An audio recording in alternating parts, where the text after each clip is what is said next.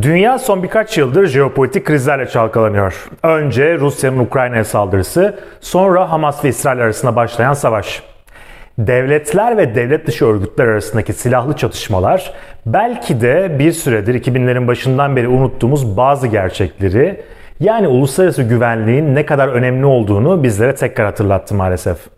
Bu durum özellikle küresel ekonominin oyuncuları için geçerli. Uluslararası şirketler, CEO'lar kendi stratejilerini tekrar gözden geçirmek zorunda. Bunu yaparken herkesin aklında aynı soru var. Küresel sistemi sarsacak bir sonraki patlama noktası neresi olabilir? Stratejik katının bu bölümünde bu soruya cevap vermeye gayret edeceğiz. Benim buna cevabım Tayvan. Şimdi gelin neden Tayvan'ın bu kadar önemli olduğunu ve önümüzdeki dönemde bizleri nelerin bekleyebileceğini beraber inceleyelim.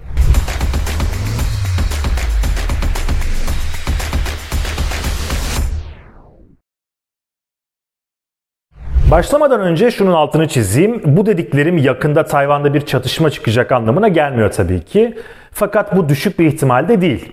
Zira 2024 yılında Amerika Birleşik Devletleri'nde ve Tayvan'da seçimler olacak. Ayrıca Çin Devlet Başkanı Xi Jinping de kendi ülkesinde çeşitli ekonomik ve sosyal sorunlarla boğuşuyor. Bu nedenle tam bir kusursuz fırtına yaklaşıyor diyebiliriz. Yani bu olasılığın ortaya çıkması için aslında şartlar yavaş yavaş olgunlaşıyor.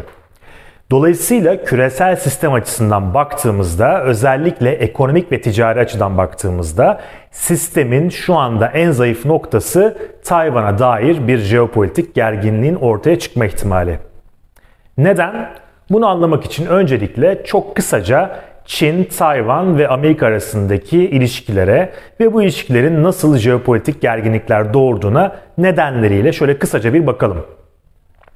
Çin Halk Cumhuriyeti ve Tayvan arasındaki egemenlik haklarına dair bir ihtilaf var. Ve tahmin edebileceğiniz gibi her iki tarafta kendi savını, kendi argümanını tarihsel gerçeklere dayandırıyor. Aslında kendi toprağının bir parçası olarak görüyor Çin Tayvan'ı. Dolayısıyla burada karşı ta- karşılıklı tarafların ortaya koymuş olduğu argümanlar var. Meselenin 17. yüzyıla kadar giden bir geçmişi bulunuyor. Çin 1895 yılında Japonya'ya karşı savaşı kaybedince Tayvan üzerindeki egemenlik hakkından vazgeçiyor. Ama Japonya 2. Dünya Savaşı'nı kaybedince bu sefer Çin tekrar hak iddia ediyor. Malumunuz Çin'de çıkan iç savaş ve 1949 yılında komünistlerin Pekin'in kontrolünü ele almasıyla bitiyor. Milliyetçiler de bu durumda Tayvan'a kaçıyorlar ve orada yıllarca orayı yönetmeye başlıyorlar. Şimdi tabii iki tarafta kendi savını savunuyor demiştik. Kendi argümanını ortaya koyuyor demiştik. Peki burada Amerika Birleşik Devletleri'nin pozisyonu ne? Bir de ona bakalım. Amerika uzun yıllardır stratejik muğlaklık, muğlaklık ya da stratejik ambiguity denilen bir politika uyguluyor. Yani Tayvan'ın ilişkileri var fakat herhangi bir çatışma durumunda nasıl tavır takınacağına dair bir işaret de vermiyor. Gerçi bu durum geçtiğimiz yılda biraz daha da gerginleşti. Özellikle Amerika Birleşik Devletleri'nin Kongre Başkanı Sözcüsü Nancy Pelosi Tayvan'ı ziyaret etti biliyorsunuz. Çin e, devleti bunu e, çok agresif bir tutum olarak gördüğünü ifade etti. Xi Jinping zaten yani milliyetçi ve popülist bir söylemi var. Dolayısıyla e, Pelosi'nin bu ziyareti ortalığı iyice gerdi. İyice bir jeopolitik gerginlik ortaya çıktı. Ve Jinping artık Tayvan'ın mutlaka ana karaya yani Çin Halk Cumhuriyeti'ne bağlanacağını, birleşeceğini söylüyor. Bunun için de askeri müdahale dahil olmak üzere ne gerekiyorsa yapacağını ifade ediyor. Peki şimdi gelelim Tayvan'ın neden bu kadar önemli olduğuna.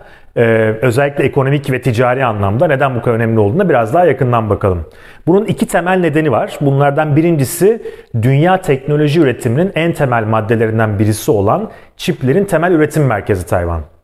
Tayvan merkezli TSMC yani Taiwan Semiconductor Manufacturing Company dünya çip üretiminin %65'ini kontrol ediyor çip içinde gerekli olan yani elektrikte gerekli olan her şey var. Yani bir düşünün arabalar, cep telefonları, ekranda gördüğünüz grafik Tayvan'ın bu konudaki üstünlüğünü zaten çok net bir şekilde gösteriyor. Dolayısıyla bu kritik ürünün üretim merkezi olması Tayvan'a müthiş bir jeostratejik önem kazandırıyor. Üretim ekonomisi için mücadele eden ülkeler Tayvan'a bu kadar bağımlı oldukça Çin'in bile bu mevcut statükoyu değiştirmesi o kadar kolay hale gelmiyor. Dolayısıyla bu çip üretimi artık giderek stratejik bir hal haline gelmiş vaziyette. Tayvan hükümeti de tabii ki bu durumun farkında. Hem de bu stratejik gücü daha da arttırmak istiyor bir yandan. Özellikle Japonya, Singapur, Tayland gibi ülkelerin Tayvan'dan ithal edilen çiplere ne kadar bağımlı olduğunu şu anda zaten görebiliyorsunuz ekranda. Bu bağımlılığın devam etmesi Tayvan açısından stratejik önemde. Örneğin TSMC'nin büyük teşvikler alarak Amerika'da kurmayı planladığı fabrikalar var ki bunlara FABS de denilebiliyor. İşte Amerika'da kuracağı bu FABS'ler 2026 yılında tamamlanacak. Ancak şöyle bir önemli nokta var burada. Amerika'da TSMC'nin kuracağı bu FABS'lerde bile en ileri teknoloji olmayacak. Dolayısıyla Tayvan bu ileri teknolojiyi oraya transfer etmiyor. Yani hala en ileri teknolojileri çip üretimini kendi topraklarında tutuyor. Özellikle 10 nanometrenin altındaki mikroçiplerin Tayvan dışına çıkması bu aşamada çok mümkün görünmüyor. Bunu nereden biliyoruz? Örneğin TSMC geçen sene sadece Ar-Ge 5 milyar dolar yatırmış. Bu bir önceki yıla göre yani 2021 yılına göre Üçte birlik %30'luk bir artış demek. 7 bin kişi istihdam edilmiş bu ARGE merkezinde. Ve bunların hepsi de şirket genel merkezinin çok yakınında. E, üretimin doğası gereği özellikle çip üretiminin doğası gereği ARGE merkezleri neredeyse üretimde orada kalacak demektir. Ayrıca Tayvan hükümetinin bu stratejinin arkasında olduğunu da söylemiştik. Bunu biliyoruz. Bunu nasıl yapıyor? Örneğin çip üretiminin en önemli masraf kalemleri olan elektriği ve suyu şirkete bedava veriyor. Bunları sübvanse ediyor. Ya da Tayvan dolarının değerini biraz düşük tutuyor. Böylece ihracatı destekleyebiliyor. Bunun yanı sıra çip tasarımı konusunda şu anda Tayvan istenen noktada değil, üretimde öyle ama tasarımda değil. Ee, üretimden farklı olarak böyle bir durum var. Tasarımda AMD ve Nvidia'nın önüne geçmeye çalışıyor. Tayvan burada da öne geçmek için çeşitli hamleler yapıyor.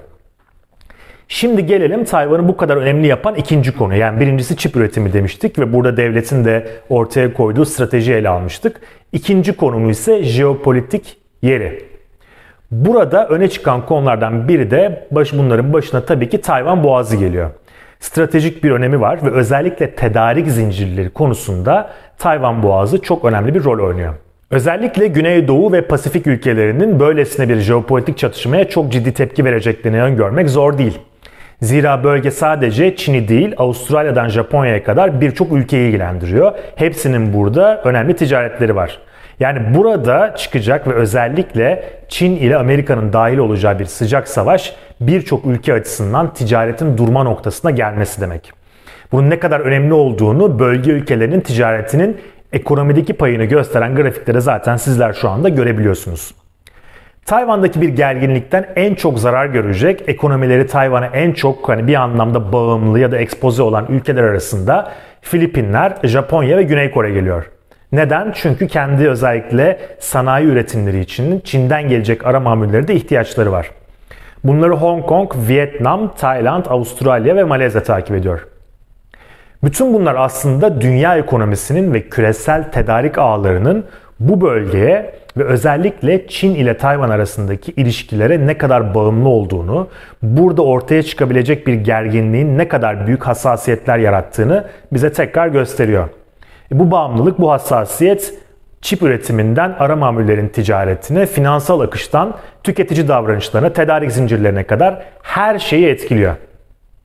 Evet, stratejik atının bu bölümünde jeopolitik krizlerle ve çatışmalarla çalkalanan bir dünyada bir sonraki krizin nerede çıkabileceğini ve bunun küresel ekonomik sistemi, ticari ilişkileri ve teknoloji üretimini nasıl etkileyebileceğini konuştuk. Tayvan'da yaşanabilecek bir askeri gerginlik hatta çatışma küresel statükoya telafisi zor hasarlar verebilir. Zaten şu anda Ukrayna, Rusya ve Hamas-İsrail savaşlarının yarattığı etkiyle uğraşan uluslararası sistem dileyelim ki benzer bir sorunla karşılaşmasın. Bu nedenle uluslararası şirketlerin stratejilerini belirlerken bu risk faktöründe göz önüne almaları, herhangi bir krizin öncül işaretlerini, emarelerini yakından incelemeleri gerekiyor. Bir sonraki bölümde görüşmek üzere.